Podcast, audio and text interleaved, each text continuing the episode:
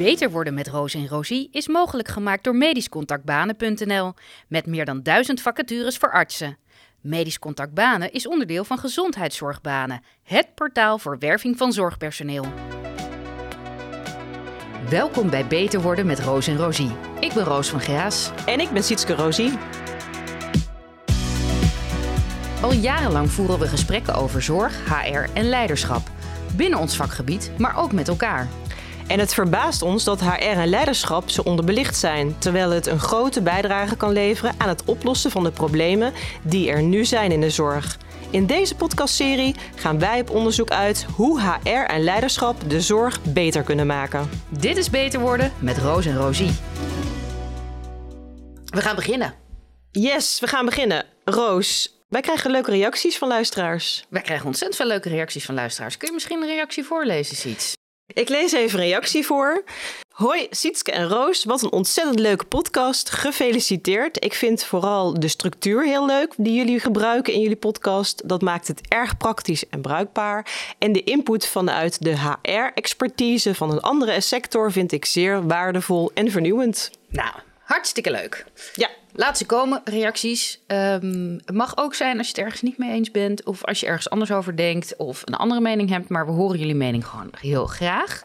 Vandaag gaan we het hebben over generaties. Ja, de titel van de podcast-aflevering is Degeneratie. Degeneratie.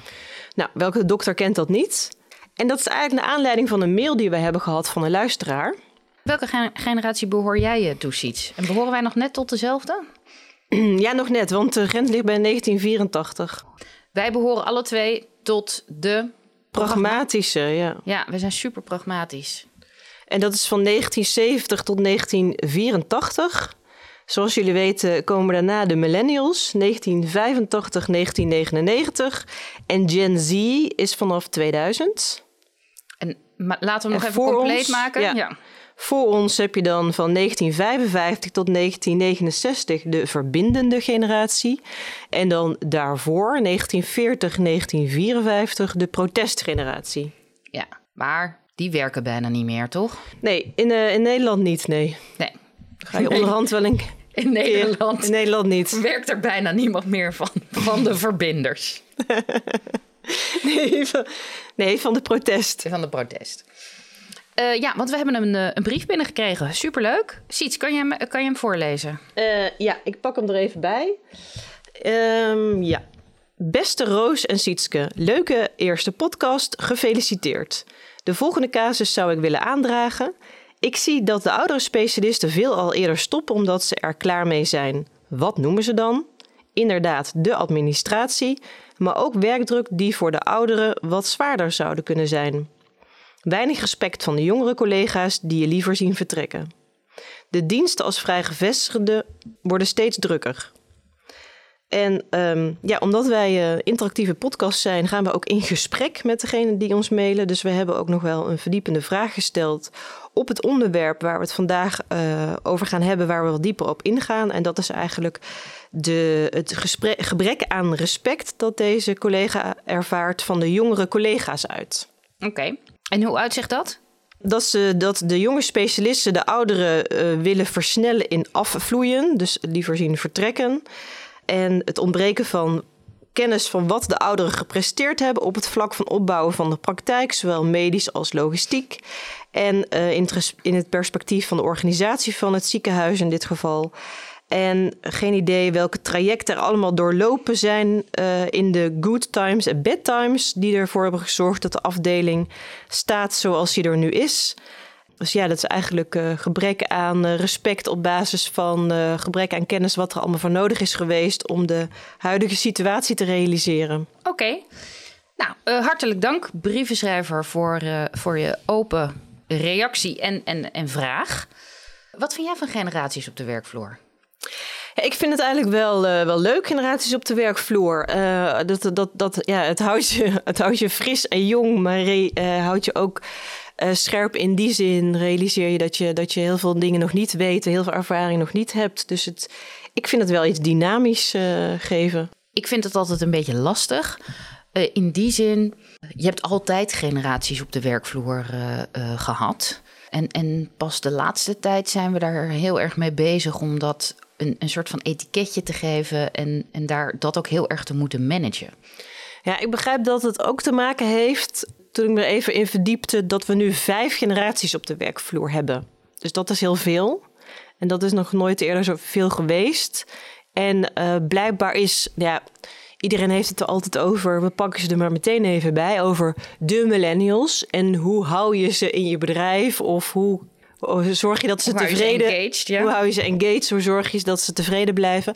Dus misschien dat dat ook, omdat die generatie een beetje uitvergroot wordt... en veel aandacht krijgt. Dus die combinatie van en vijf generaties... en dat er één generatie is waar blijkbaar van alles om te doen is... dat daar nu veel aandacht voor is. Ja, ik denk dat dat belangrijk is. Hè? Want zeker de millennials en generatie I en Z zijn heel erg belangrijk, ook voor de oudere generaties. Hè? Al is het alleen maar dat we meer werkende mensen moeten hebben om uiteindelijk die pensioenpotten maar uh, te, te, vullen. Dus we hebben, we hebben veel werkende mensen nodig. Aan de andere kant vind ik het ook wel. Um, kijk, als we heel erg focussen op, op generaties, ben je ook heel erg verschillen aan het uitvergroten. Terwijl de verschillen onderling binnen een generatie uiteindelijk groter zijn dan verschillen tussen de generaties vaak. Weet je, ja. het, het wordt eigenlijk best wel clichématig. Hè? Dus de, de boomers of de protestgeneratie en de, en, de, en nou ja, de verbinders worden toch allemaal vaak weggezet als dat zijn de mensen die optimaal hebben geprofiteerd mhm. van de economische groei. En die hebben uh, uh, allemaal een tweede huis in Frankrijk of Spanje en lopen alleen maar een beetje zuur te wezen. Uh, opdat zij het zo, zo moeilijk hebben gehad. En een 25-jarige op Bali een beetje de digital nomad aan het uithangen mhm. is.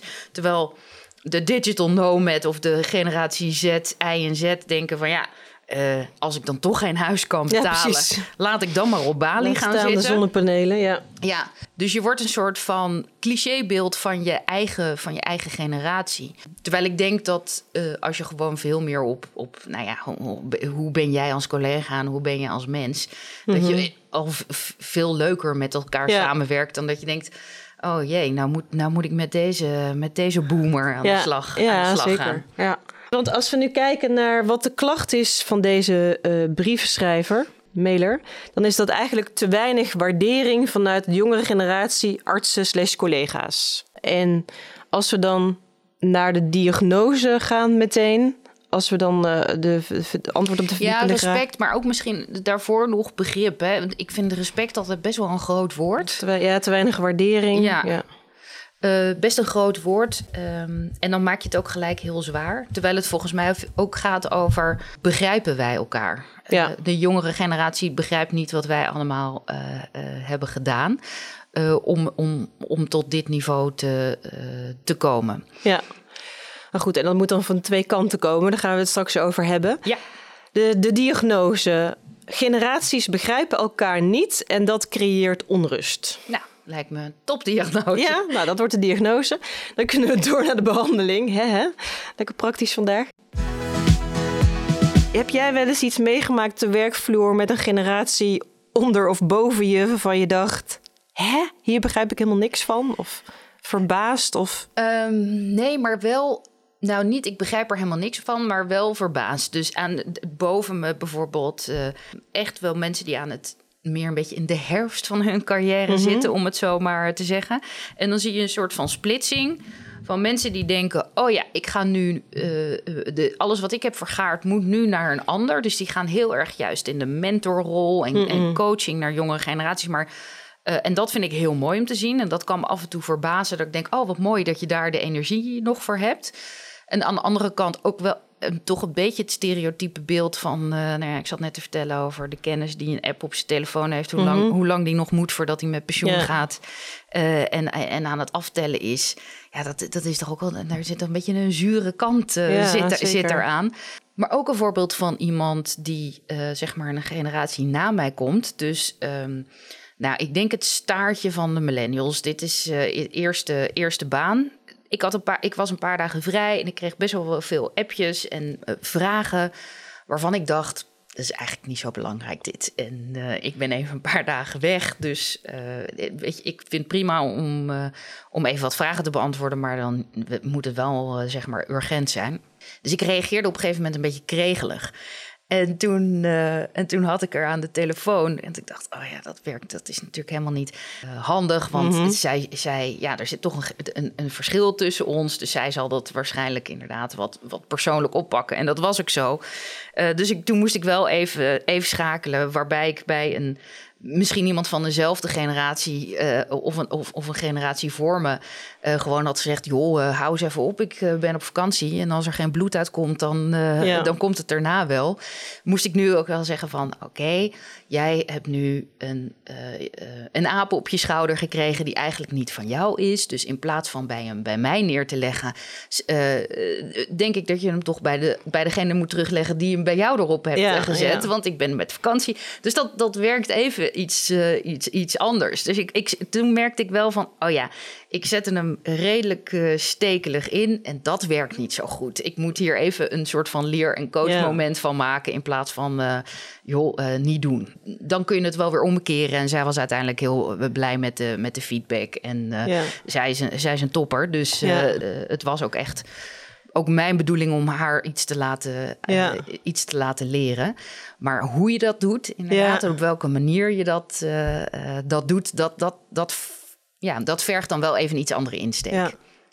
Ja. En wat ik zelf ook wel merk, uh, in mijn geval dan met uh, AIOS, dat je dan iemand wil behoeden voor de fout die je zelf hebt gemaakt. Hè? Dus ik heb wel eens gehad, als dat ik in een verslagruimte en naast mij zat een um, eerstejaars AIOS radiologie en die had de telefoon gekregen. De telefoon waar continu op gebeld werd.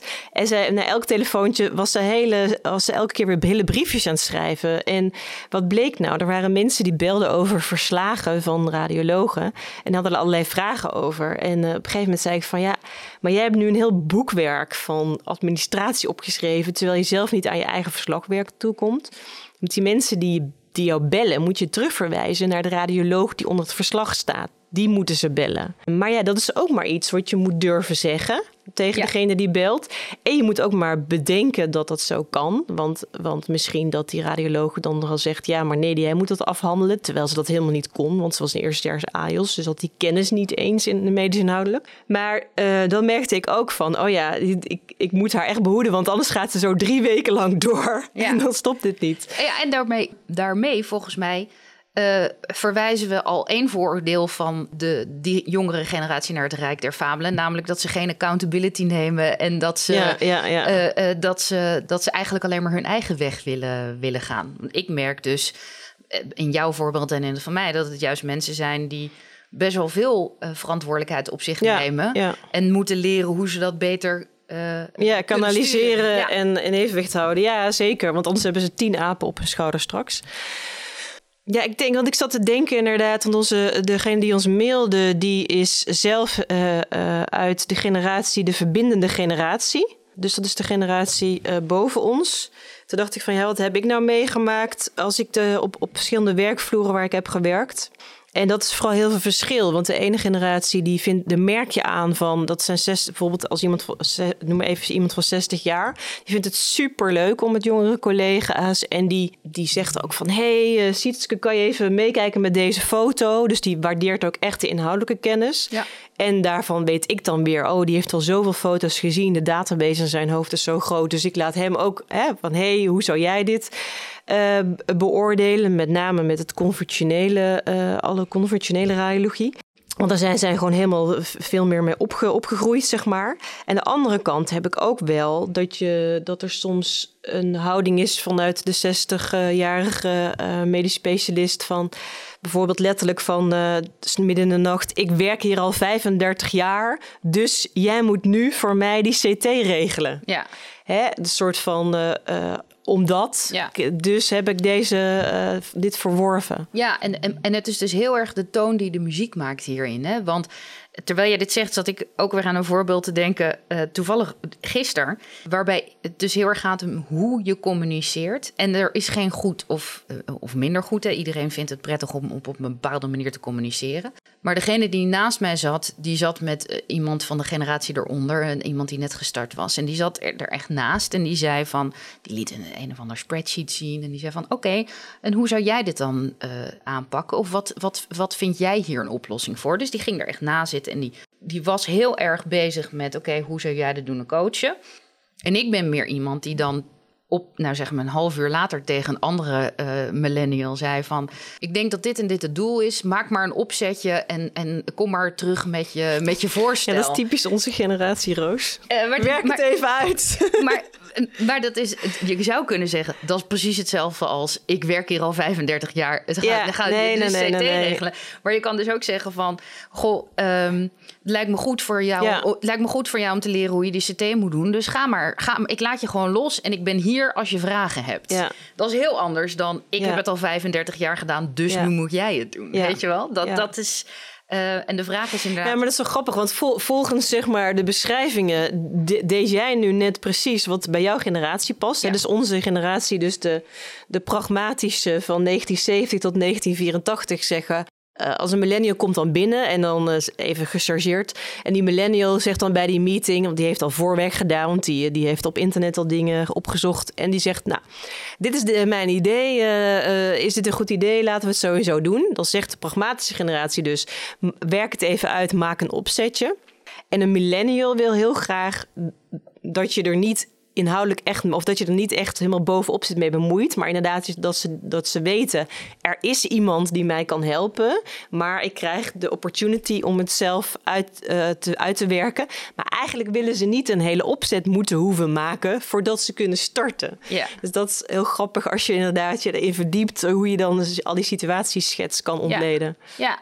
En, dat, en dat kan. Hè. Dat, dat, is, dat is ook is ook dus als je met elkaar in gesprek gaat, eh, of je ziet iemand dan uh, met wat minder energie de meeting uitlopen dan dat hij erin kwam. Ja, ja, Dat je kijkt van dat je, dat je toch dat je met elkaar in gesprek gaat van hé, hey, maar waarom? Uh, je was heel enthousiast en nu iets minder. Waar komt dat vandaan? Oh, ik wil al graag beginnen. Uh, nou, ga dan alvast beginnen. En daarnaast even het, weet je wel, en daarna alvast een planning maken van hoe het er dan tot aan het einde uitziet.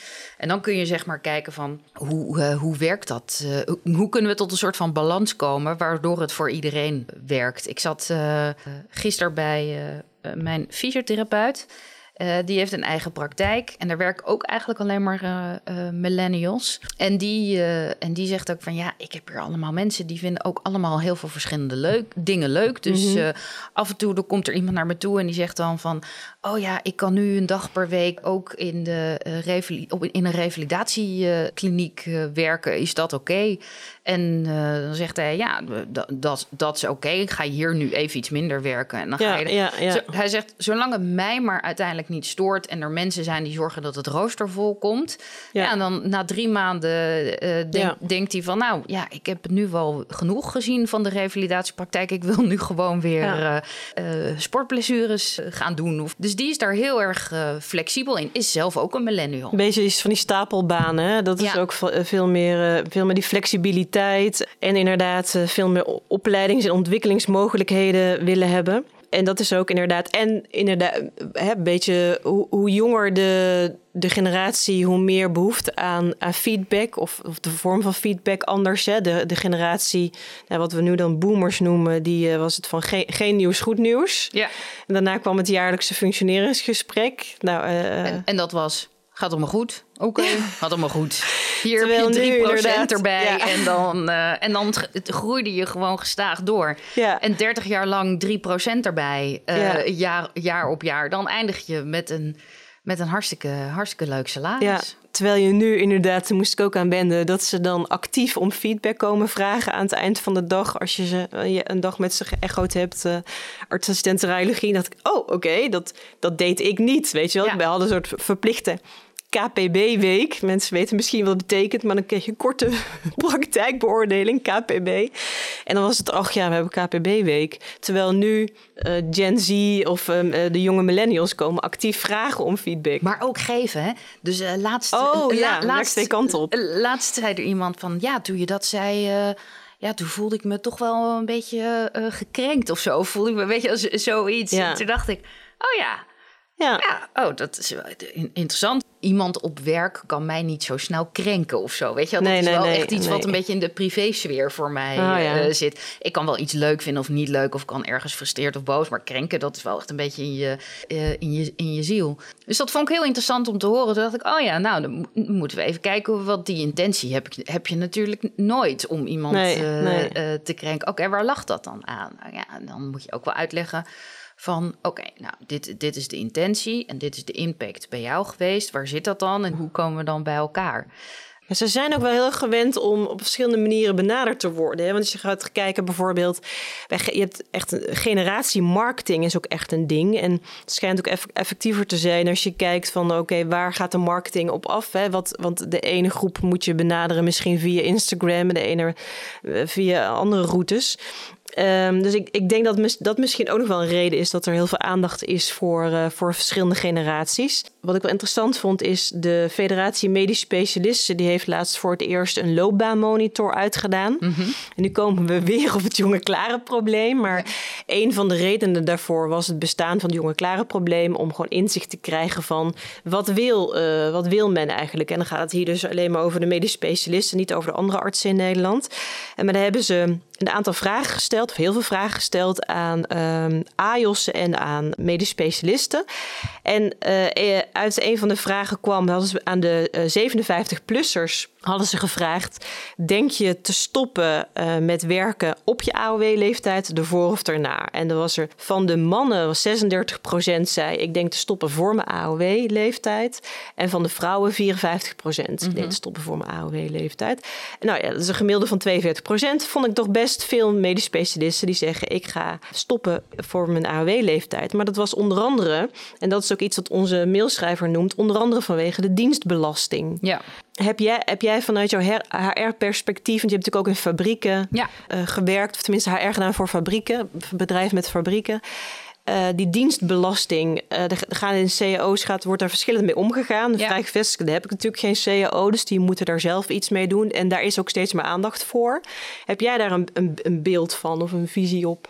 Ja, ik denk dat uh, in, in CEO's, in, in meer uh, bedrijven waar inderdaad dienst- of ploegendiensten worden gedraaid, er zitten natuurlijk wel ontzettend veel verschillen tussen. Hè? Dus, want je, ik bedoel, iemand die uh, in een in een televisiefabriek werkte, die kan zijn nachtdienst niet verkopen aan, uh, aan, nee. een, aan een ZZP'er die je nachtdiensten komt doen. Nee. Dat, je kan wel minder diensten draaien en, en, en ruilen en dingen, maar daar, daar blijf ik even weg van.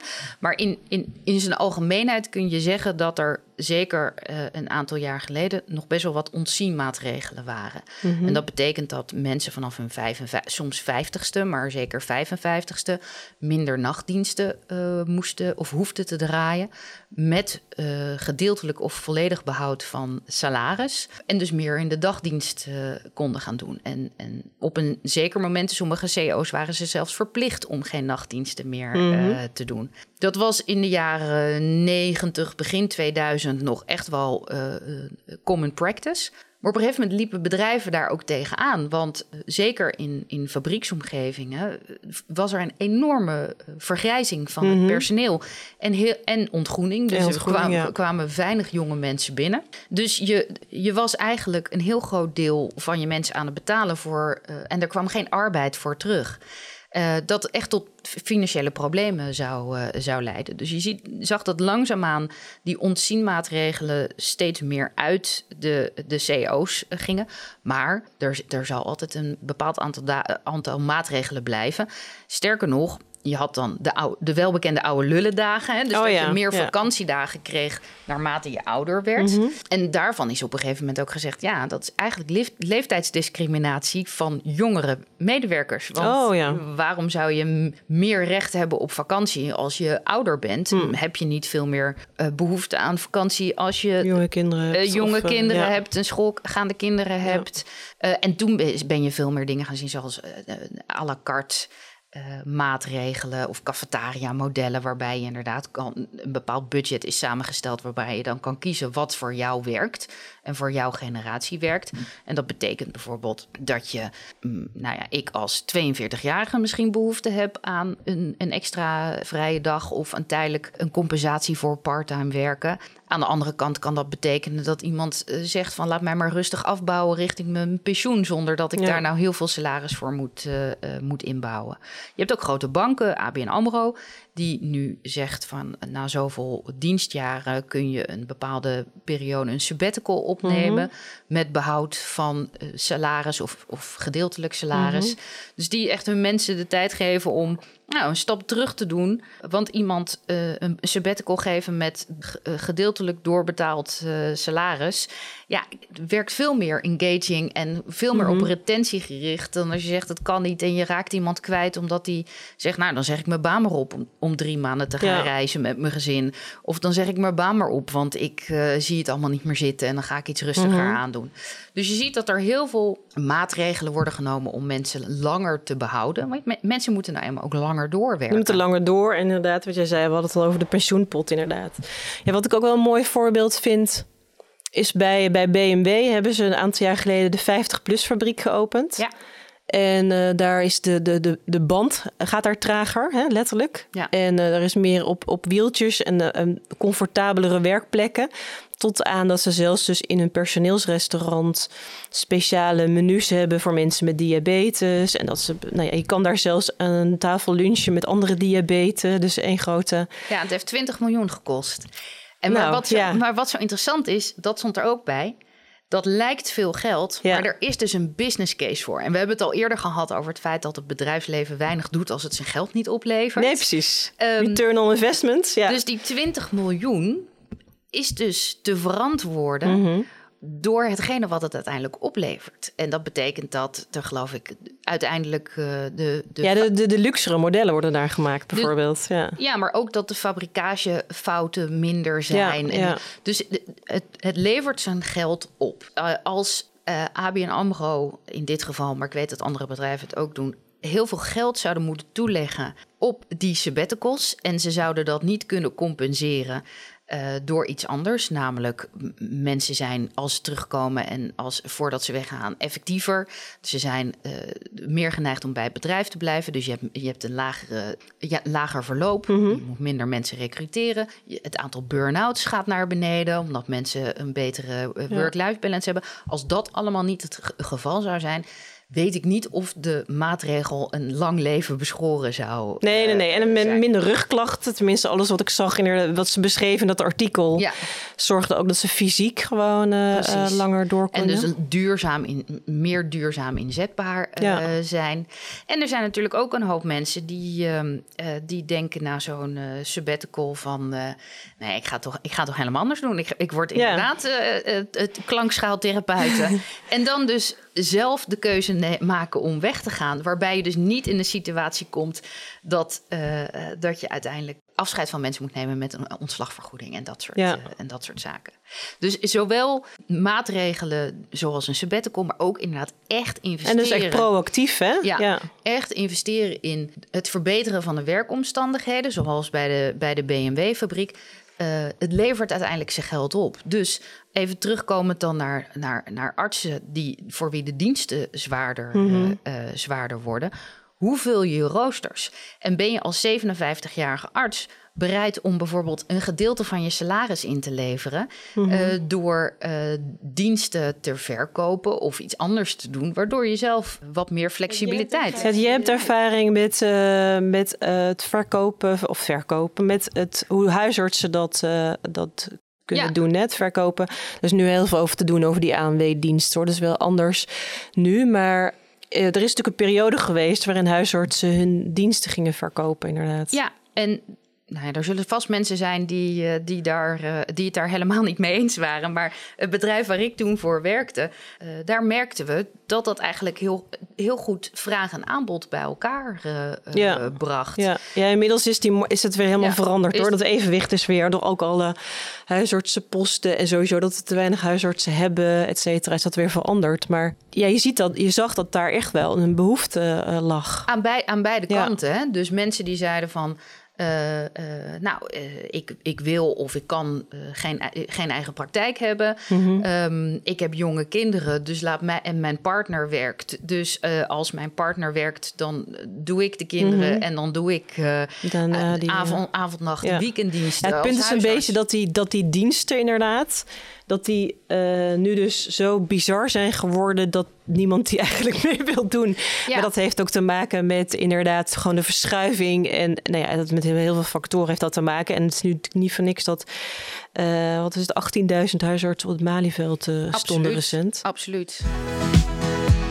En wat misschien wel interessant is, uh, Siets, is als we even kijken naar de casus van de, de briefschrijver die zelf uit de verbindende generatie komt. Ja. En we gaan die eens bekijken door de, door de lens van de millennial en uh, generatie Z. Uh, wij als uh, twee mensen uit de pragmatische generatie zitten daar precies tussenin.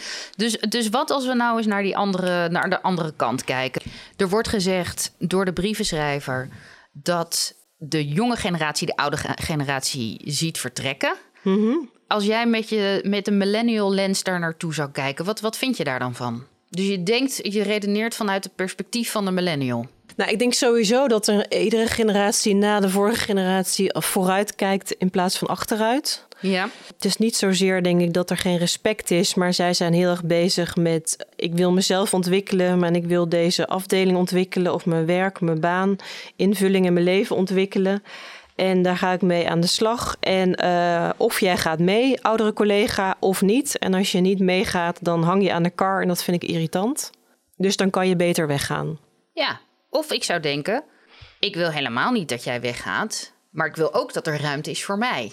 Mm -hmm ik wil, en de, daar komen we weer een beetje op het jonge klare probleem. Hoe kunnen we, ja, hoe zeker. kunnen we een balans vinden? Ik ben, niet, ik ben niet tegen jouw generatie, maar ik ben, ook een, ik, maar ik ben vooral voor mijn, voor mijn eigen generatie. Ja. En, uh, ook, en, en ook, want het, punt een beetje bij, bij alle vakken is, en maar ook bij geneeskunde, dat het continu in ontwikkeling is. Dus dat betekent dat een millennial, op het moment dat hij klaar is met zijn opleiding, heeft de huidige kennis. Maar degene die er uh, in dit geval dan van de verbindende generatie, die moet zorgen dat hij die kennis continu bijspijkert. En nu moet ik ook wel zeggen dat daar ook gewoon best wel veel verschil tussen zit. Er zijn gewoon collega's die helemaal bij, bij zijn en die continu zich bijscholen en echt die, die praten over moderne onderwerpen. Daar weten ze meer van uh, dan, dan de millennials. Die zijn er Absoluut. Ik ken echt uh, uh, mensen die eind 50 zijn, die weten meer over artificial intelligence in de zorg uh, dan iemand van halverwege 30.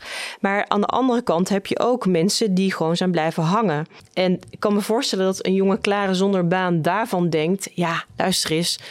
Uh, ik weet wel dat jij nog in die vakgroep zit tot je pensioen. En dat is nou eenmaal hoe het geregeld is in zo'n vrij gevestigde vakgroep bijvoorbeeld. Alleen ja, je, je kan gewoon eigenlijk niet meer mee met de huidige tijd. Ja. En daar hoor ik wel eens frustratie over vanuit de millennials of mensen die dan nog net, uh, of de mensen uit mijn generatie. Dat ze zeggen van ja, weet je, prima dat, ze er, dat, ze, dat, dat die mensen meewerken. Maar dan moeten ze of meewerken of ze moeten ook meegaan. En niet ons tegenhouden. En dat zijn eeuwige discussies. Ook met als je iemand aanneemt van... heeft iemand die, die over vier jaar met pensioen gaat... net zoveel stemrecht op een nieuwe collega... die 25 jaar in de vakgroep gaat zitten... als iemand die zelf nog 20 jaar in de vakgroep zit. Ja, nou, dat, is, dat is heel interessant. Want ja. sterker nog, er zijn sommige mensen die zeggen... hetzelfde met gewoon stemrecht. Hè? Moet je niet een oh ja. de maximum ja. leeftijd hebben om stem, stemrecht? Ja. Als, je, als, je, als je 80 bent, dan. Nou ja, als de millennials in Engeland allemaal hadden gestemd, was er waarschijnlijk geen Brexit uh, uh, geweest. Hadden, hadden ze wel moeten stemmen. Hadden ze moeten stemmen. Maar het is, het is, wat ook interessant is, is dat je, dat je kijkt naar. Oké, okay, brievenschrijver is, nou, I don't know, nee, uit 1965. Ga even terug naar 1995. Toen was de brievenschrijver uh, 30 en kwam zeg maar te werken.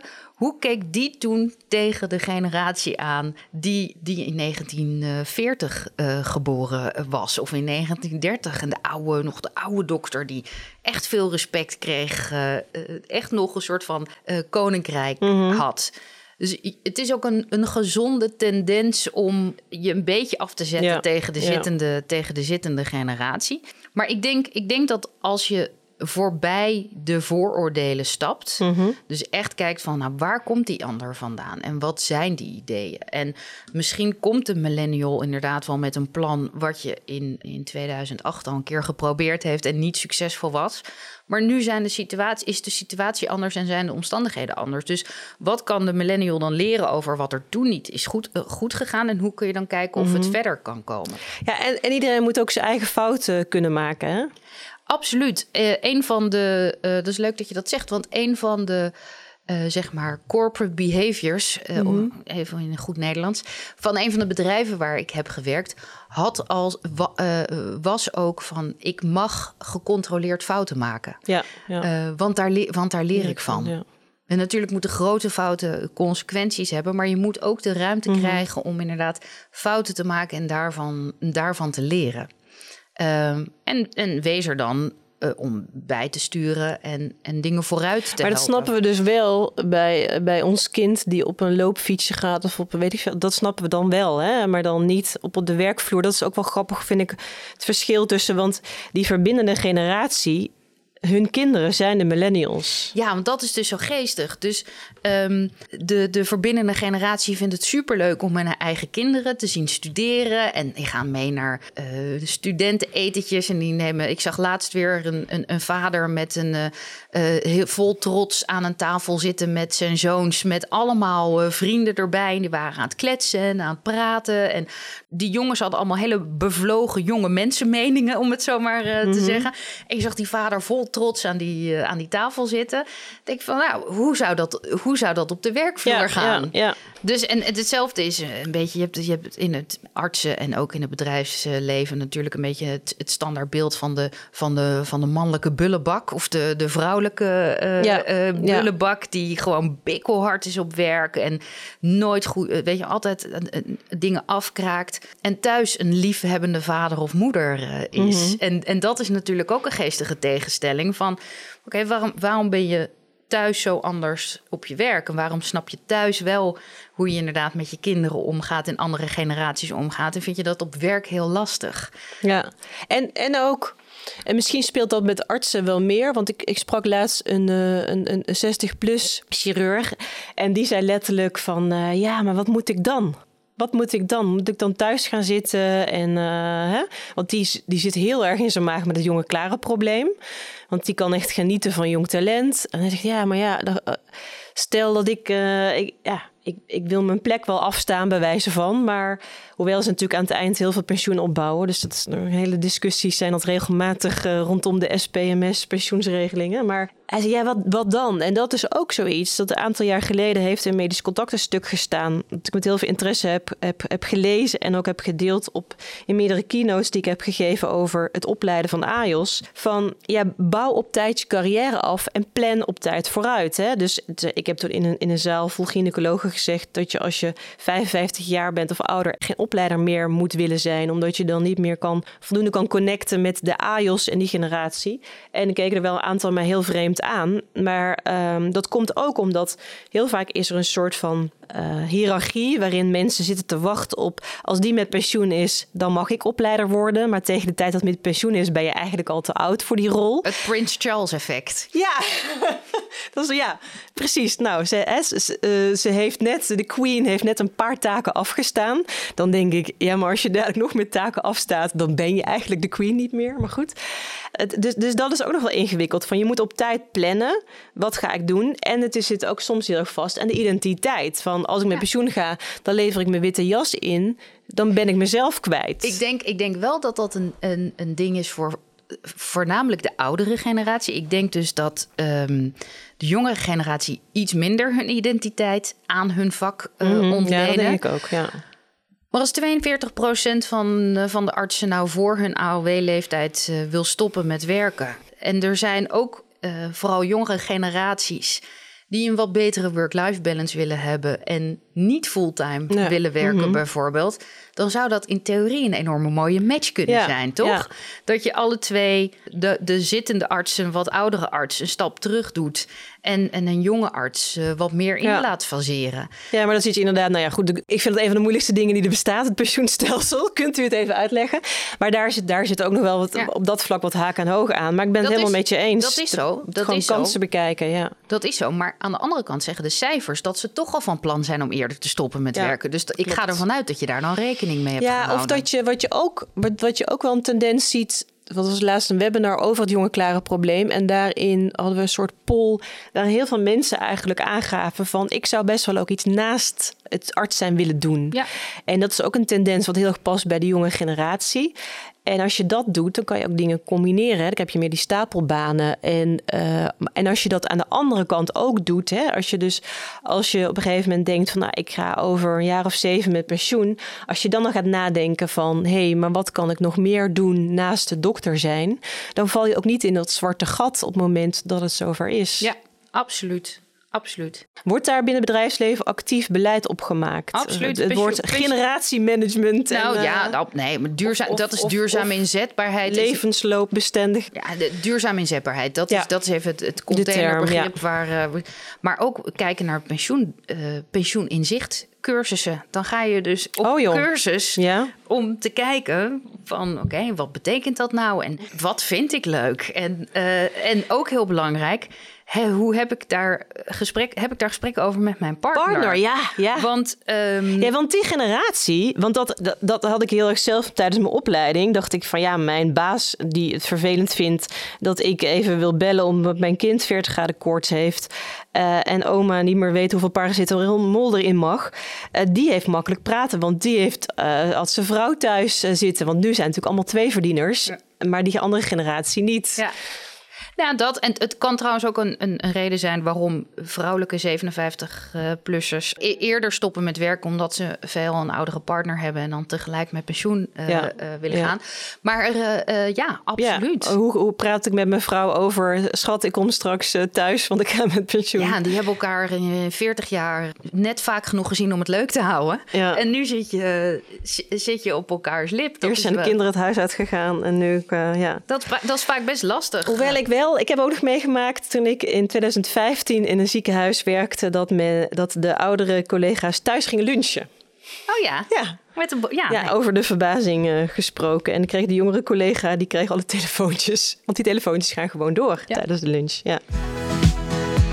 Maar goed, dus jij zegt van uh, in het bedrijfsleven wordt daar zeker uh, over gesproken en op vooruit gepland. En ook op ja, eigenlijk uitfaseren uit je carrière, ook in de rol die je hebt. Ja, met als onderliggende gedachte: mensen moeten zo lang mogelijk duurzaam inzetbaar zijn, want er is schaarste van medewerkers. Mm -hmm. En dat is natuurlijk in de zorg een, een, een wat ander beeld. In, bij verpleegkundigen is dat absoluut zo. Hè? Dus er zijn, is mm -hmm. gewoon een algeheel tekort ja. aan verpleegkundigen en ander medisch ondersteunend uh, personeel. Dus daar zou duurzame inzetbaarheid een enorm grote rol moeten spelen. Mm -hmm. Hoe hou je mensen binnen? Nou, hebben we het in de, in, de, ja. in de eerste podcast ook al over gehad. Hoe hou je mensen binnen? Uh, niet alleen door het vak aantrekkelijk te maken, maar hoe zorg je ook dat mensen actief en fit in hun rol blijven?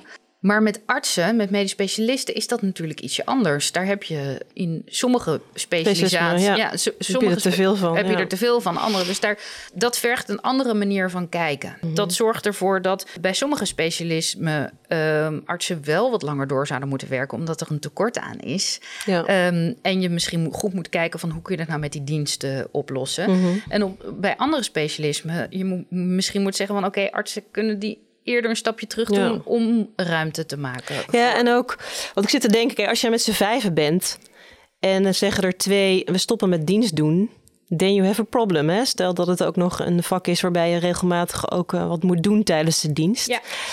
Dus misschien zouden we daar ook meer kunnen kijken van kunnen we niet regio, dat wordt ook wel deels al gedaan, regionaal dienst gaan doen. Want anders dan heb je echt wel een probleem als je ineens een enorme disutility uh, uh, toename krijgt. Um, en dan hou je dat zelf ook niet meer vol. En, um. en inderdaad, dan, en dan kom je een beetje op het gebied van de, ook de huisartsen, hoe dat in de mm -hmm. huisartsenzorg ja. is gegaan. Want die ging natuurlijk vroeger gewoon, deed zijn eigen nachtdienst en mm -hmm. ging met de tas onder de snelbinders ja. naar de patiënt toe. En die zitten nu in een huisartsenpost. Ja. Dus welk specialisme moet in elk ziekenhuis of wat, uh, uh, zeg maar 24 uur per dag uh, aanwezig zijn. En bij welk specialisme is dat anders? En hoe kun je dat met die diensten dan op, oplossen? En kun je inderdaad zeggen van, oké, okay, nou, die, de polies doen we zeg maar binnen de vakgroep, maar we hebben ook een soort van vakgroep over stijgend samenwerkingsverband. Mm -hmm. en, daar, en, en daar gaat de dienstenpot in, om het zo maar even ja. te zeggen. Ja. Ja, want met die diensten, wat je in de, in de, bij de vrijgevestigden ziet, is dat ze het ook zo hebben gedaan dat Want je kan ook zeggen van, nou dan stop je toch met dienst doen. Hè? Dat, en dan lever je dat bedrag in. Maar die, de, het is vaak zo ingericht dat voor een vrij gevestigd medisch specialist het winstenaandeel, dat 20 tot 35 procent, bepaald wordt door de diensten. Dus als jij dat wil zeggen, als je zegt, jongens, ik wil geen dienst meer doen, dat ze zeggen, oké, prima, maar dan moet je dus 30 eh, procent van je winstaandeel inleveren. En dat hebben ze expres zo hoog gedaan, om, om te zorgen dat mensen dat dus juist niet doen. Ja.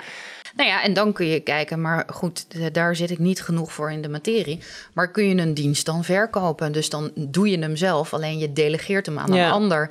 En dat betekent dat je zelf het aandeel op je diensten wel houdt. Alleen je iemand anders een soort van onderaannemer die, die hem dan uiteindelijk invult. Dat betekent dus dat jij een deel van je winst. Uh, dan aan een ander geeft. Ja, ja er zijn ook hele mooie anekdotes voor over. Uh, maar, maar, maar, dat, zal, dan zal het dan, dat zal het allemaal niet minder complex maken. Uh, Siet, zullen we gaan afronden? We gaan afronden. Even kijken, wij hebben dus de klacht, hebben we gezegd... er is te weinig waardering vanuit de jongere collega's... en te weinig begrip. En de diagnose was dat er tussen generaties te weinig begrip was, waardoor er onrust ontstaat. We hebben gekeken van wat is uh, de behandeling. We hebben gezegd, nou, uh, wederzijds begrip. Dus ook eh, praten over dingen. Dat wil zeggen ook weten waar, waar je vandaan komt. Elkaars perspectief bekijken. Samenwerken. want je hebt elkaar echt wel nodig. Ik bedoel, uh, dat, dat, is, dat is echt zo. En dat, dat werkt alleen maar fijner. Want, want hoe diverser de werkvloer, hoe beter het resultaat. Daar geloof ik ook echt in. Even kijken, wat nog meer? Wat hebben we nog meer besproken? Nou, wat kan je regelen? Hè? Dus zijn er, zijn er afspraken te maken afhankelijk van de wensen? Want het schijnt dat de experts die in onderzoek doen naar generaties zeggen van hetgeen waar generaties waar mensen op leeglopen qua energie is eigenlijk hetzelfde, maar hetgene waar ze energie van krijgen is per generatie net even wat anders. Ja. Met daarbij ook weer een, hetzelfde onderliggende gevoel, maar de manier waarop ze het uiten is anders. Uh, dus zou je daar inderdaad iets voor kunnen regelen, bijvoorbeeld met, met diensten of dat soort dingen. Ja, dus kan je door het begrip wat je hebt voor elkaar en het begrijpen waar een ander vandaan komt, beter met elkaar samenwerken. En doordat je beter met elkaar samenwerkt, uiteindelijk gewoon de zorg en de dienstverlening op een hoger plan tillen. Ja, we zijn rond. Ja. Uh, ga ik nog eventjes schaamteloos reclame voor onszelf Oh maken. ja, is dat zo? Ja, um, want we maken met heel veel plezier deze podcast voor Medisch Contact. Maar dat is niet het enige wat wij doen. Nee. Uh, wij geven namelijk ook trainingen en masterclasses we spreken op congressen, we leiden teammeetings en heidagen. Inspiratiesessies als je nog een congres organiseert. Precies, dus we, waar we over praten, uh, eh, HR en leiderschap in de zorg, dat doen we ook. En kijk dus voor alles wat wij doen en wat we voor jou en of je vakgroep, team en maatschap kunnen betekenen op onze website. Dat is www.roosenrosie.nl en dat is N uitgeschreven en Rosie met een Z. Dus www.roosenrosie.nl. Of stuur ons een mail en uh, neem contact met ons op. Kunnen we altijd even kijken wat we voor elkaar kunnen betekenen. Ja, en als je nou met veel plezier deze aflevering hebt beluisterd en je hebt bijvoorbeeld zelf een probleem op gebied van leiderschap en HR, dan kan je ons ook een berichtje sturen, net als de mailschrijver van vandaag heeft gedaan. Onze, op onze website is, eh, zijn onze mailadressen vindbaar. En uh, deel deze podcast met anderen. Abonneer je op deze podcast via Medfeed. Kan dat? Kan je op de volgknop drukken. Binnenkort is het zelfs mogelijk om reviews achter te laten. En uh, dan willen we jullie heel graag bedanken voor het luisteren. Dit was Beter Worden met Roos en Rosie.